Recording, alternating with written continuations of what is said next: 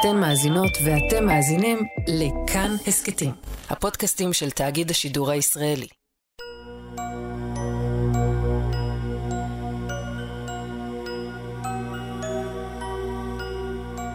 אף אחד לא חשב שאפשר להתעלות על פרשת כרמל מעודה, שאפשר להתעלל בצורה קשה יותר ורבה יותר ובתינוקות רכים יותר, אבל זה קרה.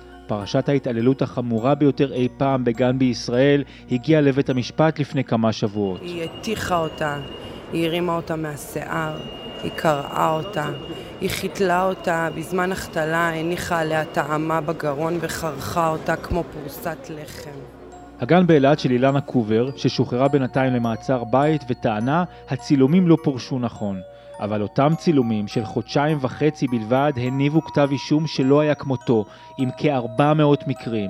הורי התינוקות והפעוטות הרכים ראו בהם מראות שלעולם לא ישכחו. על חניקות שהם אה, חוו, על טלטולים, על חדר חושך, על אה, זה שהגננת מחזיקה ילד ונותנת לכל הילדים לסתור לו. היא מאכילה ילד אחר, וכשהיא מוציאה את הכפית, הבת שלי באה, פותחת את הפה ורוצה גם כפית, אבל היא נותנת לה שתי אגרופים בסנטר ומרימה לה את הראש למעלה.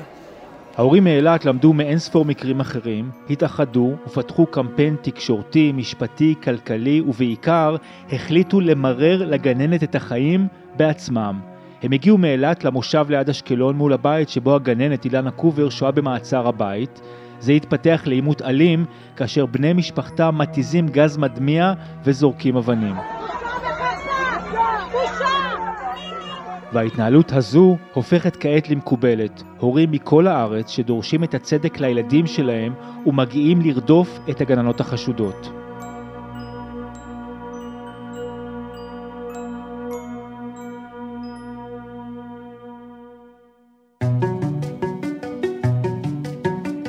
שלום, כאן אסף פוזיילו ואתם על עוד יום, הסכת האקטואליה של כאן. והיום נספר לכם על ההורים שהחליטו שהם לא יושבים בשקט ולא מחכים למשטרה ולבתי המשפט שעובדים לאט, ובטח לא משלימים עם זה שמי שפגעה בתינוקות שלהם תשוחרר ממאסר. נשאל מה קרה שבשנים האחרונות התופעה הזאת לא רק שהתפרצה, היא עדיין שוברת שיאים של אלימות למרות כל הפרסומים. ומה הפתרון? עוד מצלמות והידוק הפיקוח? או שהטיפול בתופעה צריך להיות יותר מערכתי וכולל. נדבר עם שני כהן, מייסדת סיירת ההורים הענקית באשקלון. ההורים בסיירות עושים מה שאף אחד אחר לא עושה, פועלים לאתר אלימות בגנים ומעניקים תמיכה להורים שגילו פגיעה בילדיהם. וגם עם דוקטור נועה לאור, מומחית להתפתחות הילד מהפקולטה לחינוך באוניברסיטת בר אילן ומכללת לוינסקי, על הסביבה החינוכית שבה פועלים הגנים לגיל הרך, ומה אפשר לעשות כדי להפוך את אותה סביבה לבטוחה יותר. אבל עוד קודם נדבר עם כתבתנו אורלי אלקלעי, שממש בימים אלה מסקרת ארבעה תיקים שונים של התעללות בגנים, רק בעיר אחת, בחדרה. שלום אורלי. שלום אסף.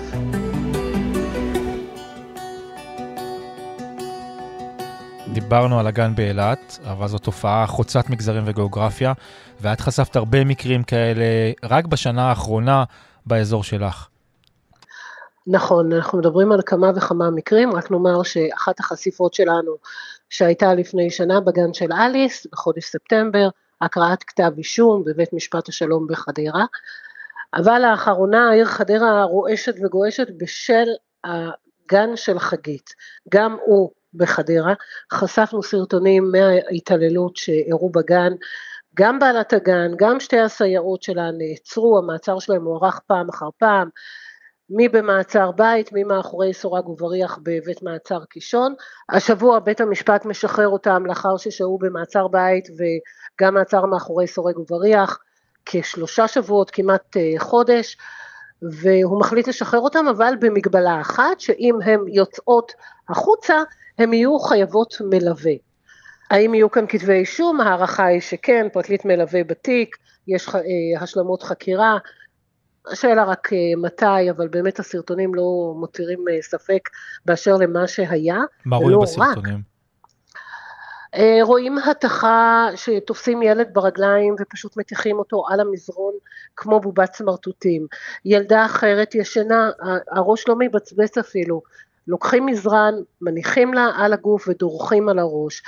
ההורים קוראים לזה הגטו של חגית, הורים הגיעו לתחנת המשטרה, ישבו שם שעות על גבי שעות ונאלצו לראות את ההתעללות אה, לכאורה של בילדיהם. מדובר על אה, אוכל מצומצם מאוד, הילדים עומדים בטור ופשוט נותנים להם כפית אורז מתוך צלחת אחת, מי שהצליח לבלוע בלה ומי שלא הולך מהר להיות אחרון בטור, ואני מדברת איתכם על ילדים בני שנתיים, שעוד לא מלאו להם שלוש, עוד אה, התכות אה, במיטה, יש תיעוד של ילדה שאחת הסייעות מכסה אותה בשמיכה ונשכבת עליה, או ילדים יושבים במעגל ואיך הם מקבלים את השניצל? פשוט זורקים להם אותו על הדשא. ומי שתפס את השניצל אכל, ילדים בני שנתיים, שנתיים וחצי, ומי שלא תפס, פשוט לא תפס, לא אכל. ועדויות של ילדים שכבר יותר ורבליים ומדברים, שמספרים אה, לאימא, ההורים לא מבינים למה הילדים סובלים מהצירויות, כי מי שלא עושה מקבל בלון. מה אומרת הגננת, אורלי, ומה אומרות הסייעות? אה, כולן אה, מכחישות.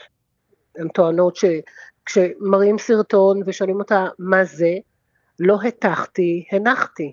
רק שזה לא משתמע לשתי פנים, אנחנו גם חשפנו את הסרטונים הללו. אה, זה לא בדיוק להניח על המזרון, זה לזרוק אה, ילד, ילדה, במקרה הזה בת שנתיים מגובה, פשוט לתפוס אותה ברגליים ולהעיף אותה על המזרון. או שמראים לה אה, את הדריכה על הראש של הילדה, אז היא אומרת, מעדתי.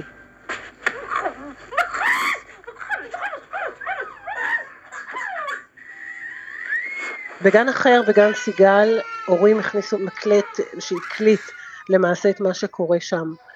האלימות המילולית, ופתאום אה, שומעים את המכה.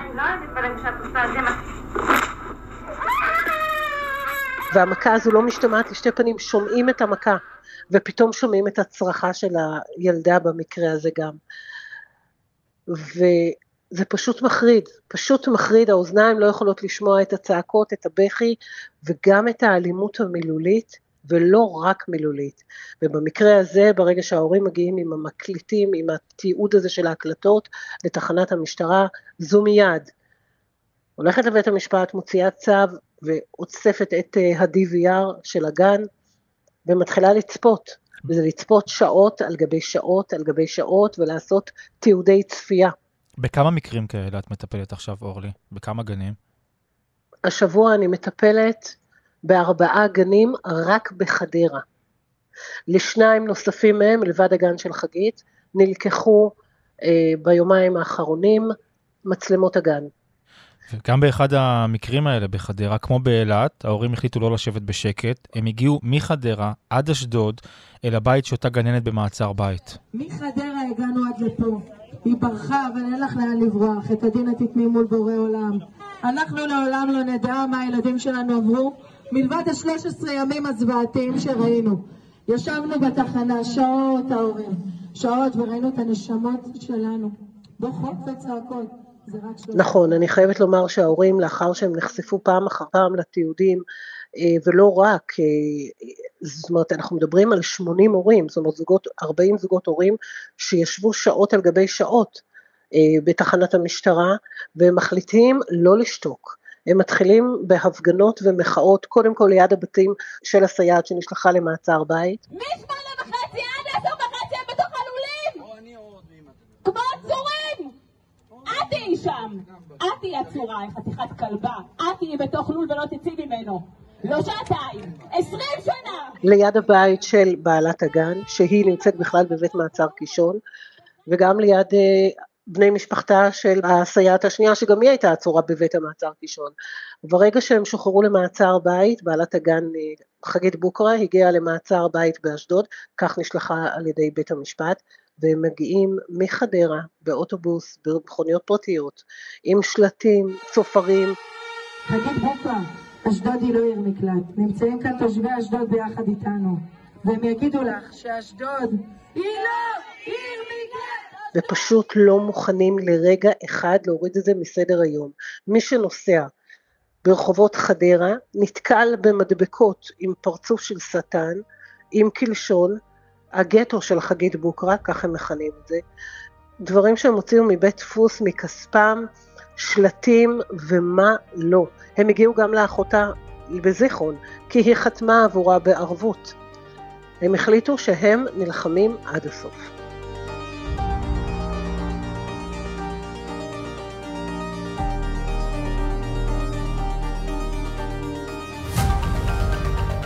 אורלי אלקלעי, תודה רבה לך. תודה.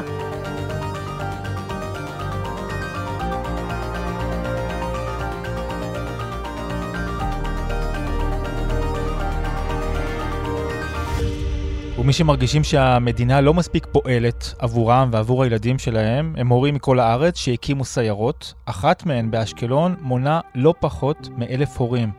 שלום, שני כהן, מנהלת סיירת ההורים באשקלון. שלום. גם אצלכם, מסתבר, הורים התחילו לרדוף אחרי גננות חשודות במעצר בית, וזה דבר חדש, זה דבר שלא קרה.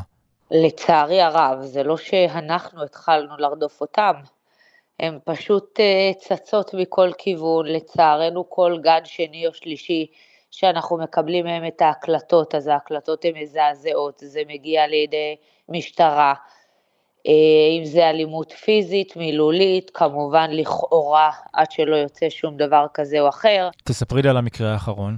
אז זה גננת לכאורה מתעללת מבאר יעקב, שהיא במעצר בית. אה, לא נותנים לה להיות שם כי כביכול חוששים לחייה וההורים באים ועושים הפגנות, והיום החליטו שהם מעבירים אותה לעיר מקלט אלינו, לאשקלון. וכמובן שאנחנו לא ניתן לזה יד. מעלה מ-300-400 הורים כבר בדרכם מאשקלון לאותו אזור, יחד עם כמה מיניבוסים של באר יעקב, ופה היא לא תשעה, שום מתעללת לא תשעה בעיר שלנו. אז מה זו הסיירת טורים הזו בעצם? מה אתם עושים מלבד אותו עניין חדש, כאמור, שהוא לרדוף אחרי גננות חשודות? בתור אימא נפגעת עבירה, שהבן שלי נכווה, אנחנו הקמנו את הסיירת הזו יחד עם מטה המאבק למען הילדים, שזה מטה ארצי. כל הורה שיש לו חשש, אנחנו דואגים לתת לו מקליט, להדריך אותו איפה לשים על הילד, הוא שולח את הילד שלו לגן עם זה, כשהילד חוזר אנחנו שומעים את הממצאים. 90 אחוז אני יכולה לומר לך ממקליטים שהגיעו אלינו, אנחנו שומעים זוועות, אם זה בעניין של פיקוח שבסופו של דבר זה נעבר לשם, או לכאורה שזה חמור יותר, ואז אנחנו הולכים ופותחים איתם תיק במשטרה, לוקחים DVR, אנחנו בקשר עם משטרת אשקלון אה, יומיומי על פניות ודברים, חוץ מ-03 שהם יכולים לקחת DVR, המון המון נשמט לנו באמצע, שזה 3 עד 6, שיש מקליטים שנשלחים לגני עירייה, אבל אין ראיות מספקות כי אין מצלמות. כמה אתם עונים בכל הארץ בסיירות ההורים? בכל הארץ מעל אה, עשרת אלפים מורים. אנחנו באשקלון, יש לנו שני קבוצות וואטסאפ פעילות, מעל 1,400 הורים פעילים שאיתנו יום-יום. יש קשר בין המטות? בוודאי, יש לנו מטה ארצי, ששם בעצם כל המנהלות של כל הערים נמצאות, ואנחנו מדווחות שם על כל מה שקורה בכל הערים. עכשיו המאבק שלכם הוא להכניס מצלמות לכל הגנים בישראל, נכון? השבוע נכון. שר החינוך הודיע שהוא מקים ועדה שתבחן הכנסת מצלמות לגנים אה, של גילאי 3 עד 5. זה בשביל להשתיק. אלונה, שהיא מנהלת מטה המאבק, השבוע נפגשו אצלו מתחת לבית, הוא טוען שהוא יקים, וזה בולשיט אחד גדול, לא, שום דבר לא יצא לפועל, מעל שנה היא רודפת אחריו לטלפון, להסבר, לשיחה, משהו הכי קטן, אין שום תשובה לא ממנו ולא מגברת יפה בן דוד שבכלל לא דוגלת בזה, כי היא נורא חוששת על הגננות שלה או שלא יהיה לה גננות. רק באשקלון, אישית, אני טיפלתי בארבעה גנים, גני עירייה, שלוש עד שש, של זוועות שלא ניתן לתאר. אז בעצם בגנים אה, בגילאי 0 עד 3 יש מצלמות, זה בעצם החוק, מ-3 נכון. ומעלה כבר אין מצלמות. מה הבעיה בעצם? הרי מגיל 3 הילדים כבר יודעים לדבר ולתאר מה קרה להם, אם קרה להם. אז זה לא בהכרח. אם אנחנו ניכנס לזה כמו שצריך, אז היום ילד בן שנתיים ותשע כבר עולה לגן עירייה. שנתיים ותשע זה לא ילד שמסוגל להביע ולהגיד מה קורה לו. יתרה מכך שגם שלוש וארבע, נכון להיום אנחנו יודעים ושומעים ורק על סמך מקליט שאותו אימא הכניסה, היא הבינה שאותו סייעת פרקה לבן שלה את הכתף, ומהגן לא ידעו שום דבר ולא אמרו כלום.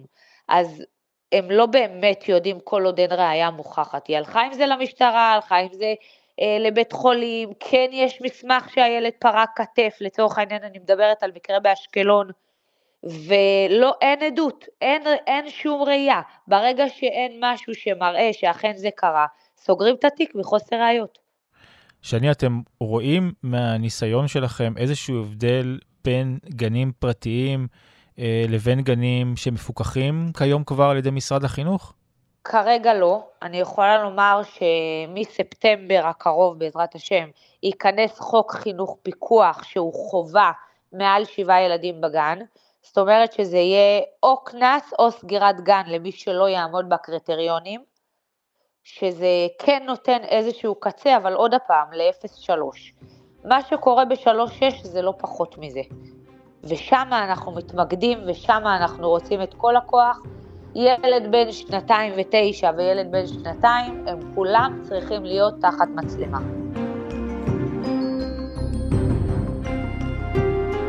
שני כהן, מנהלת סיירת ההורים באשקלון, תודה רבה לך. בשמחה, תודה לכם, יום טוב.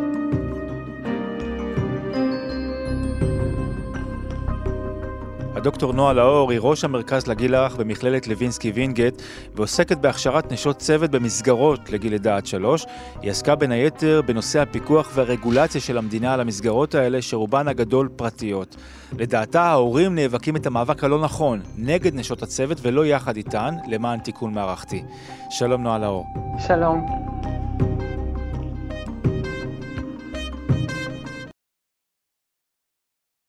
את בעצם הבן אדם האידיאלי לדבר איתו על הנושא הזה. את חוקרת ועוסקת הרבה מאוד שנים בהתפתחות הילד ובמסגרות לגיל הרך בישראל. איך הגענו בעצם למצב שאנחנו רואים ושומעים כל כך הרבה על פגיעה בתוך גנים ופעוטונים, לא משנה כמה הסיפורים האלה מתפרסמים עוד ועוד, זה נראה שזה קורה יותר ויותר. כן, זה נכון, מדובר על uh, הזנחה מדהימה של, אה, אה, של המדינה, ממש מקום המדינה, של גילאי לידה עד שלוש. ב-2018 עבר חוק פיקוח על מעונות היום, והמדינה נכנסה במעורבות חלקית, משרד החינוך אה, היום מעורב, נכנסה במעורבות חלקית לתוך, לתוך הגיל הרך, אבל בצורה לא מספקת. יש כאן הזנחה של המון המון המון שנים. היו רק מסגרות שנקראות מעונות היום עם סמל, שהמדינה פיקחה עליהן, ורוב השוק, שהם היוו 23% מהשוק, רוב השוק היה מסגרות פרטיות אבל איך מכאן, מאותה הזנחה, זה מגיע פתאום, כך נראה ממש בשנים האחרונות, עם דגש על השנה, שנתיים האחרונות, על כמות כל כך גדולה של גננות שמובלות לחדרי החקירות, לחדרי המעצר וגם לכלא.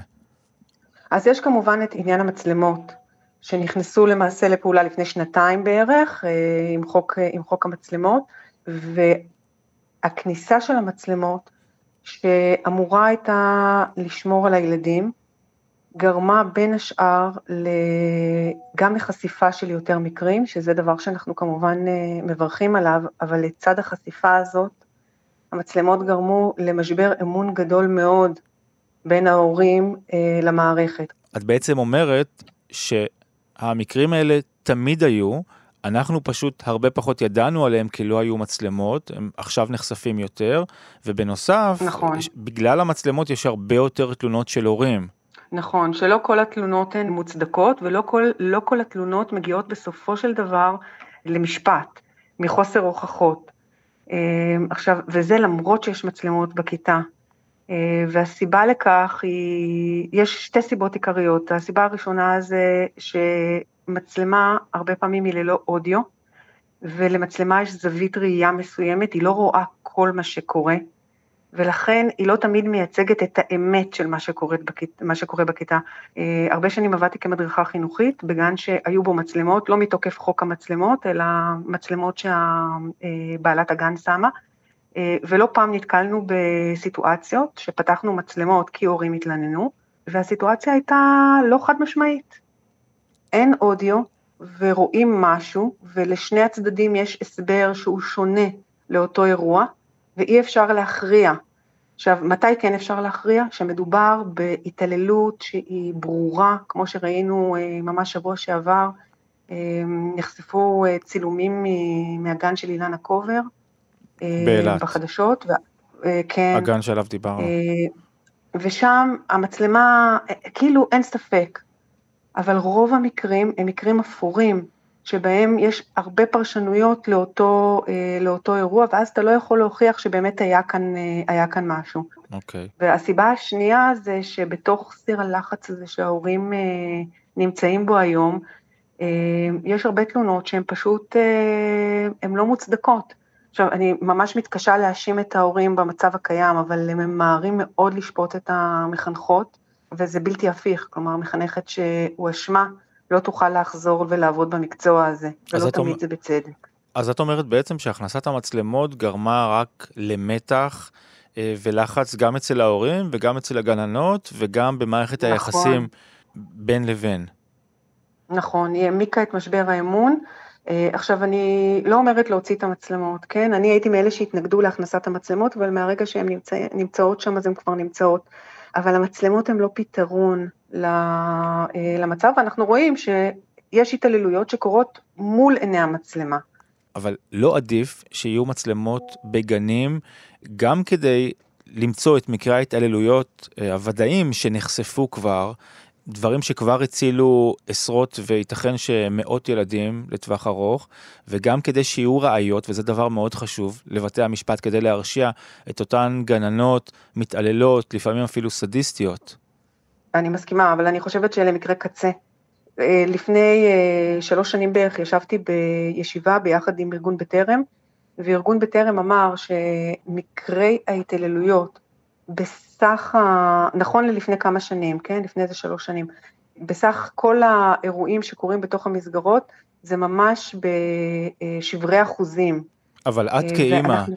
אם חלילה הילד, הילדה שלך, היו עוברים איזושהי התעללות מתמשכת בידי הדמות הכי אה, משמעותית בחיים שלו, לא היית רוצה שיהיו לך ראיות להגיע לבית משפט אה, איתן ולהרשיע כן, את אני, אותה פושעת? תקשיב, אני לא אומרת, כן, כן, אני, אני, קודם כל אני לא מקנאה בהורים, ואני, ואני שמחה שאני לא אימא לילדים בגיל הרך, בשלב הזה, ממש, אני, אני לא מקנאה בהם, אבל אה, אני לא אומרת להוציא את המצלמות. אני אומרת שהמצלמות הם לא הפתרון, אי אפשר להשאיר רק את המצלמות. אז מה הפתרון המערכתי לפתור... הכולל הזה שאת uh, מדברת עליו? תנסי לשרטט לנו, ממה מורכב הפתרון יופי. הזה? יופי, אני התחלתי ואמרתי מקודם שתחום הגיל הרך הוא תחום מוזנח מבחינת המדינה. בכל 75 uh, אה, שנותיה, גילאי לידה עד שלוש, בניגוד לגילאי שלוש עד שש, ששם מטופל, גם שם יש בעיות, אבל, uh, אבל uh, התחום הזה הוא כן מסודר מבחינת, מבחינה חוקית ומבחינת סבסוד ומכל הבחינות האלה.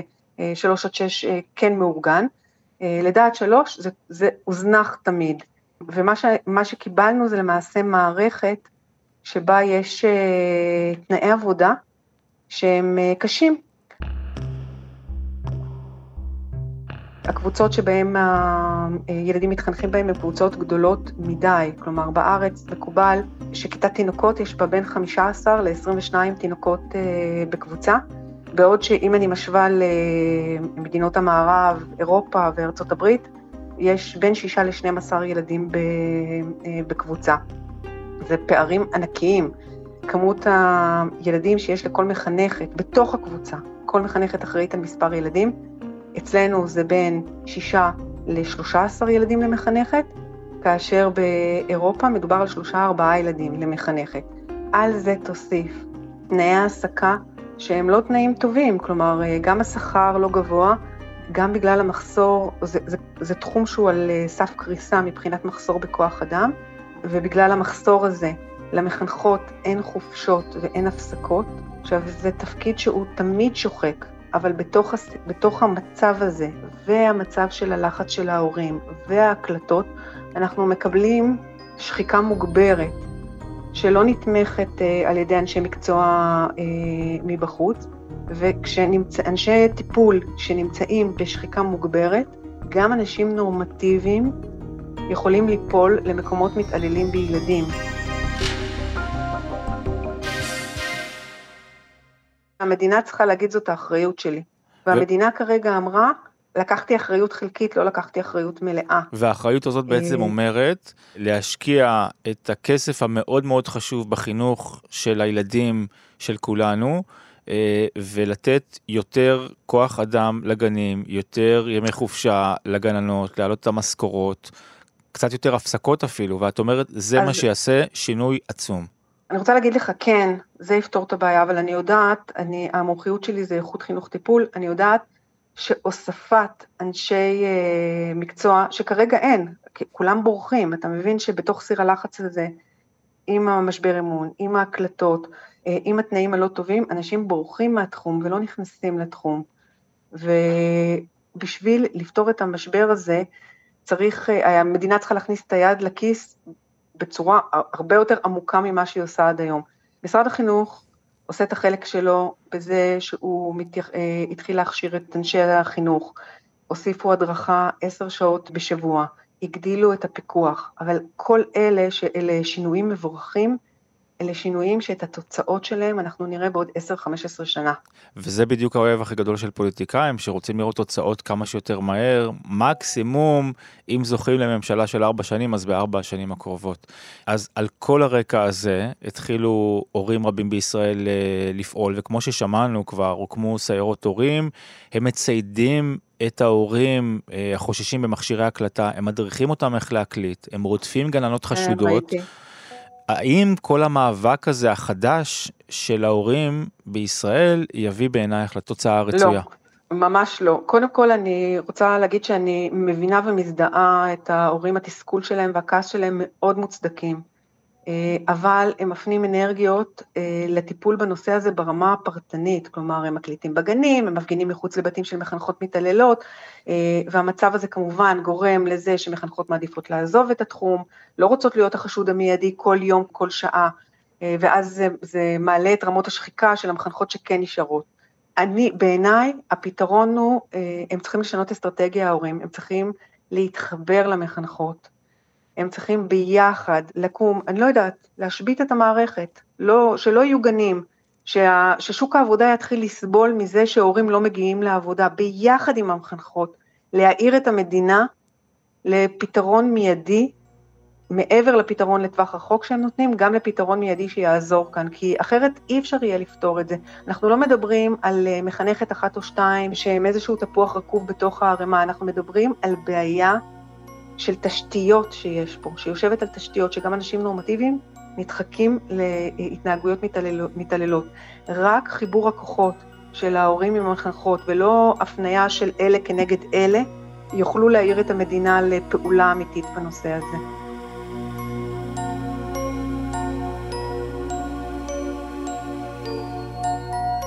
דוקטור נועה לאור, ראש המרכז לגיל הרך במכללת לוינסקי וינגייט, תודה רבה ששוחחת איתנו. תודה לכם.